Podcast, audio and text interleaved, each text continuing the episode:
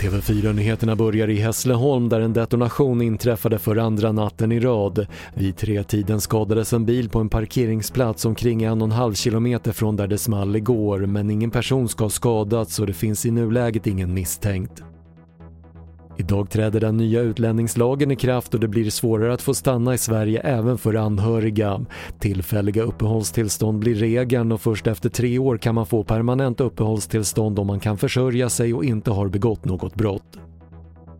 I Belgien utlyser man idag en nationell sorgedag efter de regnoväder som har krävt minst 190 människors liv i framförallt Tyskland och Belgien. Dödssiffran befaras stiga då arbetet med att hitta döda och saknade fortfarande pågår. Och det första fängelsestraffet har dömts ut för attacken mot den amerikanska kongressen i Washington i januari. En 38-årig man från Florida döms till åtta månaders fängelse för att ha hindrat en officiell sammankomst. Fler än 500 personer har pekats ut för att vara inblandade i stormningen. Det var det senaste från TV4 Nyheterna. Jag heter Patrik Lindström.